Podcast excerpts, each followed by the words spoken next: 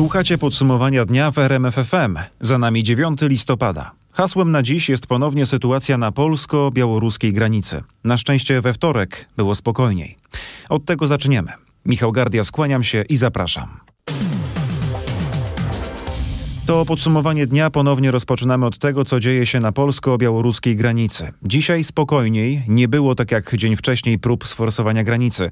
Przed 14 łączyliśmy się z naszym reporterem Piotrem Bułakowskim, który ze względu na teren, za który odpowiada, ma najwięcej najświeższych informacji na temat tego, co się tam właśnie dzieje. Obszar, gdzie rozgrywają się te sceny, patrolują policjanci z helikoptera. Co z niego widać? No tak, no przede wszystkim e, widać e, te największe do tej pory zarejestrowane na polsko-białoruskiej granicy koczowisko. Tam jest teraz obecnie 800, może do 1000 osób. E, te osoby są zwarte, są rozstawione wciąż namioty, są też ogniska, bo jest dosyć chłodno, te osoby się tutaj ogrzewają. Pamiętajmy jednak, że no wczoraj mówiliśmy o tym, że 3, nawet 4 tysiące osób mogły dojść do polsko-białoruskiej granicy. Tak więc no tutaj pytanie, e, gdzie są te pozostałe osoby, no bo z pokładu helikoptera, tak jak mówiłem, no widać właśnie do tysiąca osób. A w ciągu dnia pojawiły się prawdopodobnie niesprawdzone informacje, że przy granicy z Białorusią przebywa nawet 12-15 tysięcy osób. Oficjalne dane mówią o 3-4 tysiącach. Zgadza się, tak. No tutaj służby, z którymi rozmawiałem, zarówno policja, jak i pogranicznicy, no mówią właśnie o o tej liczbie 3-4 e, tysięcy. E, też pojawiają się nagrania z samego Mińska, gdzie widać było chociażby wczoraj, że e, no, tych migrantów może być zdecydowanie więcej, jednak na chwilę obecną, jeżeli chodzi o to, co rejestrują nasze służby, no to tak jak właśnie wspomniałem, 3-4 tysiące. Teraz uwaga wszystkich skupiona jest na koczowisku migrantów rozbitym w pobliżu przejścia granicznego w Kuźnicy. A co dzieje tak. się, Piotrze, teraz w Usnarzu Górnym, gdzie pamiętamy było to pierwsze obozowisko? Tak, to, to też ciekawa informacja, bo oczywiście tam migrantów e, od jakiegoś czasu już nie ma, ale wciąż e, były białoruskie służby, które e, też na podstawie nagrań opublikowanych między innymi przez pograniczników widzimy, że ci żołnierze w zwartym szeregu przenieśli się na północ właśnie w pobliże miejscowości Kuźnica, no i dołączyli właśnie do tych e, żołnierzy, którzy e, cały czas mają oko na tę grupę e, koczującą właśnie tam w pobliżu Kuźnicy. Przypomnijmy Piotrze, że nadal obowiązuje zakaz poruszania się w strefie, w strefie bez dostępu lekarzy na granicy, bez dostępu dziennikarzy. Zgadza się, no i właśnie my możemy bazować tylko i wyłącznie na tym, co powiedzą nam najczęściej telefonicznie mieszkańcy e, właśnie strefy objętej stanem wyjątkowym, ale też pamiętajmy, że to działa w drugą stronę. No wczoraj e, mieszkańcy chociażby Kuźnicy czuli niepokój i nie wiedzieli, co się tak naprawdę dzieje i nie mogli się dowiedzieć, co się dzieje, no bo właśnie my dziennikarze nie mamy tam wstępu. Mm, to był nasz reporter Piotr Bułakowski i Darek Maciborek w radiu RMF24.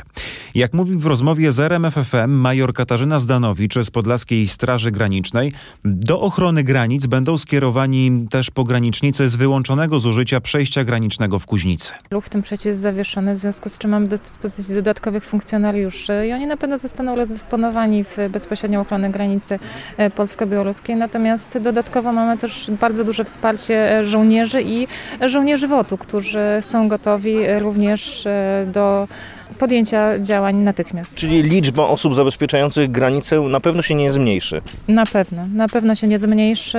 Granica jest dla nas priorytetem. To jest nasze główne zadanie. Usłyszał Piotr Bułakowski. Przypomnę, o godzinie 7 rano we wtorek przejście graniczne w Kuźnicy zostało zamknięte, zarówno dla ruchu towarowego, jak i osobowego. Teraz pytamy, jak powinien zakończyć się kryzys na polsko-białoruskiej granicy? Co powinien zrobić rząd? Odpowiedzi nie są łatwe, albo ich nie ma. Pytaliśmy o to Was. Co Wy sądzicie na ten temat? Powinno się przede wszystkim zakończyć dobrze dla wszystkich. I dla nas, i dla tych ludzi, którzy są tam, ale nie powiem panu w jaki sposób, bo to chyba trochę za trudne dla mnie. Ja autentycznie jestem za tym, aby, aby ci ludzie nie cierpieli, za jakąś pomocą humanitarną, ale jednocześnie nie zdaję sobie sprawy, w jaki sposób y, moglibyśmy przyjąć aż tak dużą y, liczbę uchodźców, tych osób potrzebujących, którzy w tej chwili wiemy, że tam się znaleźli. Jak powinna zakończyć się sytuacja, ten kryzys na polsko-białoruskiej granicy? Jest jakieś rozwiązanie? Tak, wybudować bardzo wysoki mur i nie przypuszczać zupełnie zupełnie nikogo. Łukaszenka no, po prostu prowokuje, prowokuje powiedzmy lewicową część Polaków do protestów w Polsce, próbuje zdestabilizować naszą sytuację. Unia Europejska nie chce na razie pomagać, Polska też nie występuje do, o pomoc do Frontexu, także jeśli mamy radzić sobie w tym zakresie sami, no to po prostu trzeba podwoić wszystkie straże, nie przepuszczać nikogo. No. Każdy buduje ogrodzenia, a u nas tego nie można. U nas opinia publiczna się z tym nie zgadza. No jestem ogólnie przerażona chyba postawą rządu polskiego. Jest nasycona antagonizmem i nie ma pierwiastka żadnego dialogu w sobie. Wydaje mi się, że taka postawa aktualnego rządu po pierwsze nie jest humanitarna, po drugie bardzo w złym świetle stawia nas jako naród. I proszę mi wierzyć, że nawet jak teraz to mówię, to mam ciarki, bo e, sama jestem mamą i widok dzieci, które są dotknięte tą sytuacją jest dla mnie przerażający, niedopuszczalny. Te głosy w Poznaniu zebrał nasz reporter Mateusz Chłystun. Znamy już głosy ludzi, to teraz stanowisko polityków. Rząd zapewnia, że Polska samodzielnie poradzi sobie z rozwiązaniem kryzysu migracyjnego. Premier przedstawił we wtorek w Sejmie informacje o działaniach podejmowanych na granicy z Białorusią. Jaki rząd ma pomysł na zażegnanie problemu? O tym Roch Kowalski. Posłowie usłyszeli dziś bardziej diagnozę niż perspektywę zakończenia kryzysu. Premier i ministrowie przekonywali, że służby i wojsko na razie radzą sobie z powstrzymywaniem fali migracyjnej i nie potrzebują do tego wsparcia z instytucji europejskich. Czy wiecie, ile jest funkcjonariuszy Frontexu, wszystkich pracowników mniej niż 2000, a funkcjonariuszy mniej niż 1000. Mówił premier Mateusz Morawiecki. Opozycja wytykała rządowi właśnie brak działań dyplomatycznych w Europie i naruszanie zasad humanitarnych. Każdy migrant, który przedostanie się przez tą chronioną i pilnowaną granicę, powinien uzyskać w Polsce pomoc. Wojna nie eliminuje humanizmu. Przekonywał wicemarszałek Włodzimierz Czarzasty z Nowej Lewicy.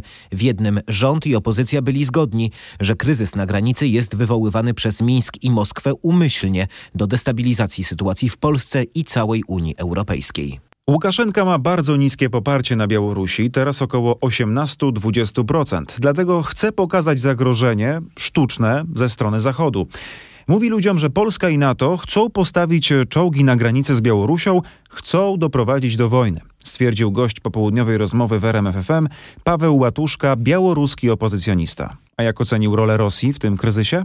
Łukaszenka również jest wykorzystywany przez Rosję jak pożyteczny idiota którego rękami Rosja chce osiągnąć również swoje cele, właśnie pokazać swoją siłą dla Europy i stworzyć sytuację kryzysową w Europie. I tak naprawdę ona już jest.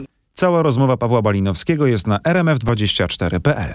To nie Rosja jest głównym winowajcą kryzysu migracyjnego, przekazała Komisja Europejska. Zapewniła również, że obserwuje działania 20 krajów, w tym Rosji, jeśli chodzi o połączenia lotnicze na Białorusi i kryzysu na granicy. O szczegółach Katarzyna Szymańska-Borginą. Rzecznik Komisji Europejskiej Peter stanął na moje pytanie, czy komisja planuje sankcje wobec Białorusi w związku z kryzysem migracyjnym, odpowiedział zdecydowanie nie, na tym etapie nie.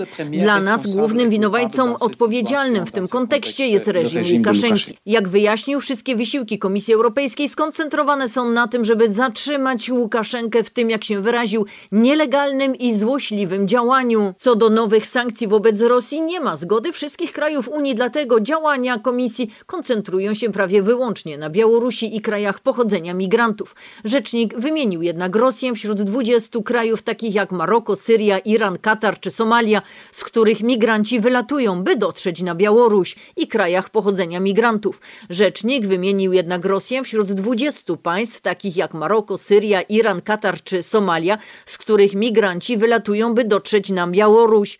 W środę o 15 w Parlamencie Europejskim odbędzie się debata na temat kryzysu na granicy Polski z Białorusią. Mm, tak dowiedziała się też nasza dziennikarka w Brukseli Katarzyna Szmańska-Borginą. Rezolucja w tej sprawie zostanie przyjęta na kolejnej sesji w Strasburgu. A do Polski wybiera się w środę przewodniczący Rady Europejskiej Charles Michel. USA mocno potępiły działania białoruskiego reżimu na granicy. Czechy wyrażają solidarność z Polską w związku z sytuacją na granicy z Białorusią. Niemiecki minister spraw wewnętrznych zaapelował do Unii Europejskiej o wsparcie Polski. To są reakcje na sytuację w okolicy właśnie przejścia granicznego w Kuźnicy. Z materiałów wideo publikowanych m.in. przez MON, jak wiecie, wynikało, że cudzoziemcy próbowali siłowo wejść na terytorium Polski w poniedziałek. No go to Poland. We are go to Germany. Germany is life. A tak w ogromnych emocjach mówią ci, którzy próbują przedostać się na terytorium Polski, ale jak słyszymy, to nie Polska jest ich rajem na ziemi, a Niemcy. Na naszej stronie rmf24.pl mamy mnóstwo artykułów na ten temat. Warto zajrzeć pod ten adres. Stałym elementem podsumowania dnia jest niestety pandemia. Ostatni raport Ministerstwa Zdrowia mówi, że w naszym kraju potwierdzono ponad 13,5 tysiąca nowych zakażeń COVID-19. Zmarło 220 osób e, z koronawirusem. Najwięcej infekcji wykryto na Mazowszu i Lubelszczyźnie. I tak mapa zakażeń wygląda od wielu dni. E, przejrzyjmy się na spokojnie z ekspertami, w którym momencie pandemii teraz jesteśmy. Nasz reporter Michał Dobrołowicz rozmawiał z pulmonologiem, profesorem Tadeuszem Zielonką ze Szpitala Czerniakowskiego w Warszawie. Czy właśnie w tych województwach, także w kolejnych tygodniach, zakażeń będzie najwięcej? Tak, ale myślę, że nie tylko. Myślę, że to się jednak rozszerzy, że, że to jednak będzie tyczyć tych województw, w których mamy niski odsetek e, wyszczepiania i niski często też odsetek zachorowań. Ja pamiętam, jak w roku ubiegłym najwyższa fala na początku przyszła w warmińsko-mazurskim w czasie tej trzeciej fali, kiedy rzeczywiście tam było najmniej zachorowań, bo to chodzi do jakiej populacji to dociera, czyli e, to cały czas populacje e, niezaszczepione i populacje, które nie przechorowały są najbardziej zagrożone. I nie sądzę, żeby to tylko się do tych dwóch województw e, ograniczyło. E, to się szerzy i to się będzie szerzyć na następne e, województwa, to nie ulega wątpliwości. A liczby będą rosły, dlatego że wiele krajów zachodnich pokazuje, że to mm, wzrasta w stosunku nawet do trzeciej fali, więc ja bym się nie zdziwił, gdyby liczba zachorowań była większa nawet niż ta, która była yy, rok temu.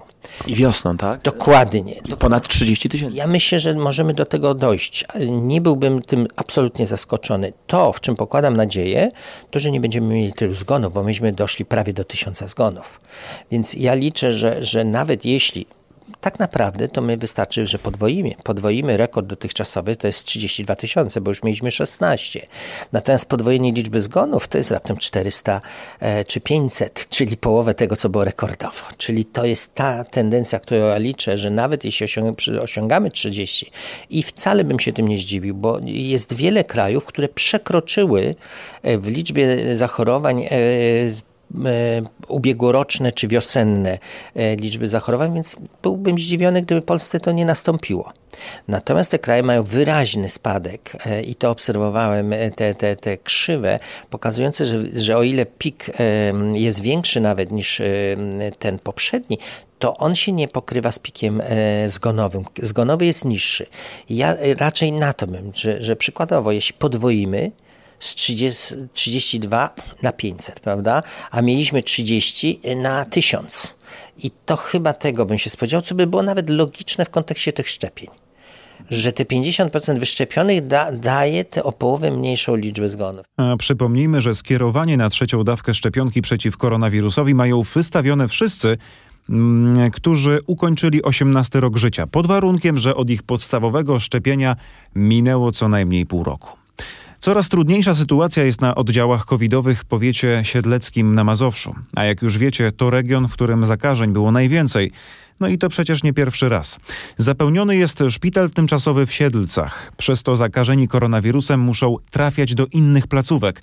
O sytuacji w tej części Mazowsza nasz reporter Michał Dobrołowicz. Najwięcej od maja, ponad 120 pacjentów z koronawirusem jest teraz w szpitalu miejskim w Siedlcach. Przybywa też chorych w szpitalu wojewódzkim. Zdecydowana większość, ponad 80% to osoby niezaszczepione. Jak ustaliłem, osoby, dla których na północy Mazowsza nie wystarczy miejsc, trafią do Warszawy. Wolne łóżka są m.in. w szpitalu wojskowym na stołecznym Okęciu. Na całym Mazowszu zajęte są ponad 2 trzecie miejsc covidowych i ponad 80% respiratorów. Uczniowie, którzy będą mieli negatywny wynik testu koronawirusowego, mają być zwalniane z kwarantanny. Nad takim rozwiązaniem pracuje teraz rząd, ustalili dziennikarze RMFFM. Dzisiaj coraz więcej szkół przechodzi na naukę zdalną. Dzieci w większości nie mogą być jeszcze szczepione, więc automatycznie trafiają na 10-dniową kwarantannę. Krzysztof Berenda wie, co dokładnie się zmieni. Zmieni się to, że wprowadzona zostanie zasada, iż podczas takiej kwarantanny dziecko będzie można zabrać na test. Jeżeli ten test wykaże, że dziecko jest zdrowe, to z kwarantanny zostanie zwolnione. Jeżeli większość dzieci uzyska taki korzystny wynik, to dzieciaki będą mogły wrócić do szkoły albo przedszkola przed upływem tych kwarantannowych 10 dni. W tej chwili rządowi eksperci i ministrowie zastanawiają się, kiedy po kontakcie z zakażonym będzie można dziecku zrobić test, czy już pierwszego dnia kwarantanny, czy dopiero trzeciego albo czwartego dnia. A negocjacje w tej sprawie trwają. Jeżeli poznamy szczegóły, od razu je Wam przekażemy. Marsz Niepodległości 11 listopada będzie miał charakter państwowy. Przemarsz, który według sądów nie może być uznawany dalej za cykliczny i nie może mieć pierwszeństwa przed innymi zgromadzeniami, zorganizuje Urząd do Spraw Kombatantów. Zgromadzenia państwowe nie podlegają tym przepisom.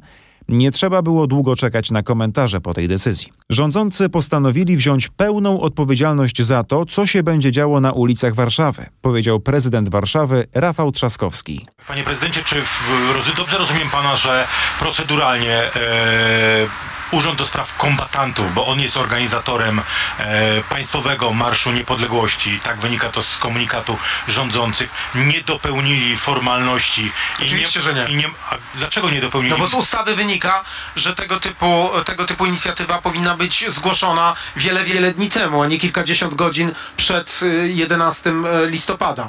Jeżeli rządzący chcieli objąć y, swoją opieką uroczystości, to powinni to zgłosić wiele miesięcy temu zgodnie z e, ustawą. Natomiast to zostało zrobione w ostatniej chwili, stąd mamy sytuację absolutnie bez precedensu, gdzie mamy już zarejestrowane legalnie e, zgromadzenia i one dzisiaj znajdują się w sprzeczności z tym, co proponuje rząd. Dlatego na barkach policji będzie spoczywało bardzo trudne zadanie zapewnienia bezpieczeństwa wszystkim. A jak pan w ogóle ocenia to, że e, państwo, państwowy urząd obejmuje patronat, czy nadaje e, Marszowi Niepodległości charakter państwowy?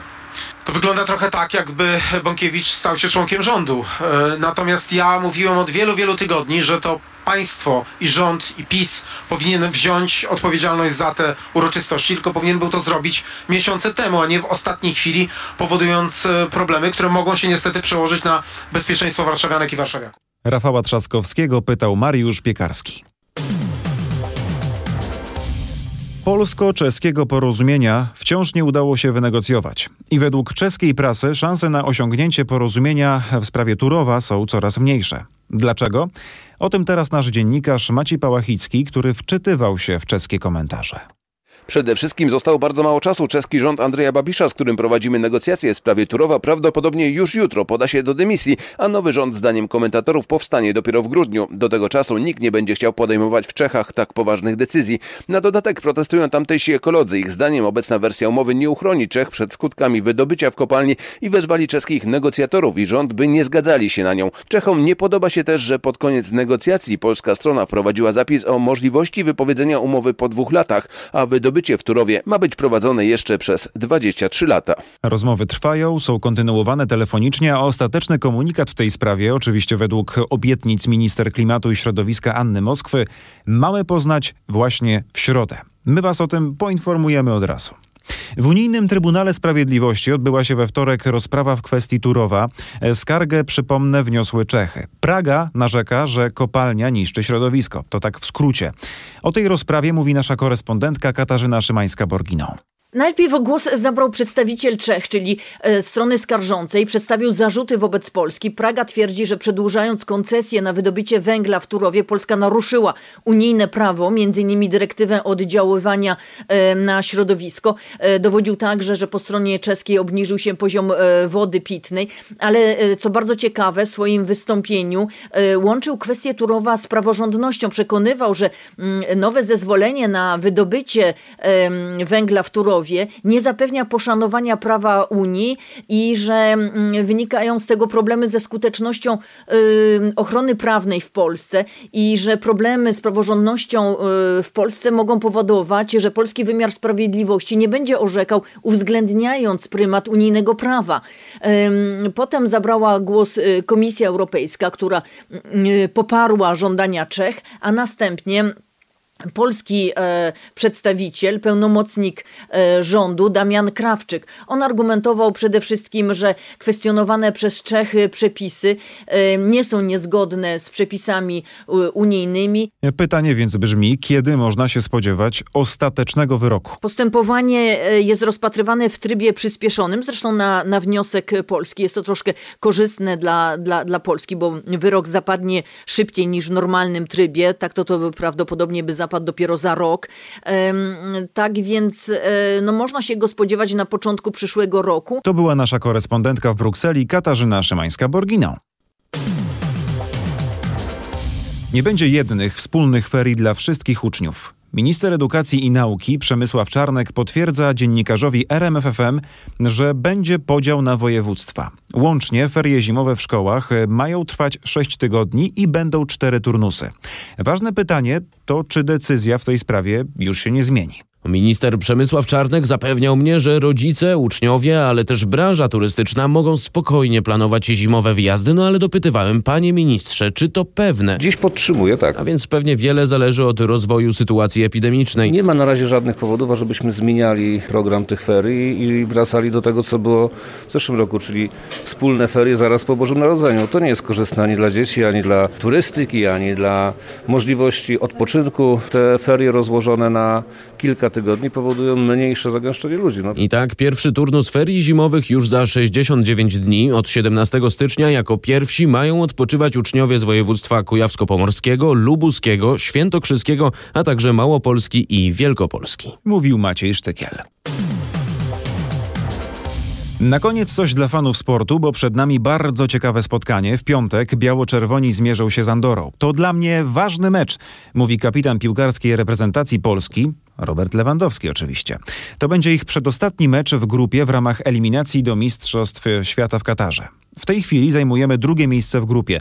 Zwycięstwo z Andorą i wpadka Albanii z Anglią zapewni nam udział w barażach.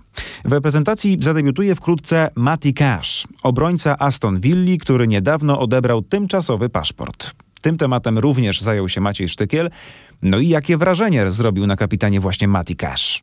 No, Robert Lewandowski mówił w samych superlatywach o Matim Kaszu, że to miły, otwarty, kontaktowy człowiek, że to już dało się zauważyć, no ale dopiero dwa wspólne treningi za nimi, więc trudno coś więcej powiedzieć. No, ale przyznał Robert, że to w końcu piłkarz Premier League, więc jakość musi mieć, a chęci do gry w reprezentacji ponoć ma ogromne i to ponoć na zgrupowaniu widać. To nie jedyny debiutant na zgrupowaniu, bo drugim jest też Kamil Grabara, nasz zdolny młody golkiper, który obecnie gra w duńskim FK Kopenhaga. Akurat dzisiaj grał ze mną, więc akurat e, ja nie miałem okazji strzelać na jego bramkę, ale widać, że ma warunki. Nawet nie spodziewałem się, że jest tak wysokim bramkarzem i tak potężnym, można powiedzieć, więc tu jestem.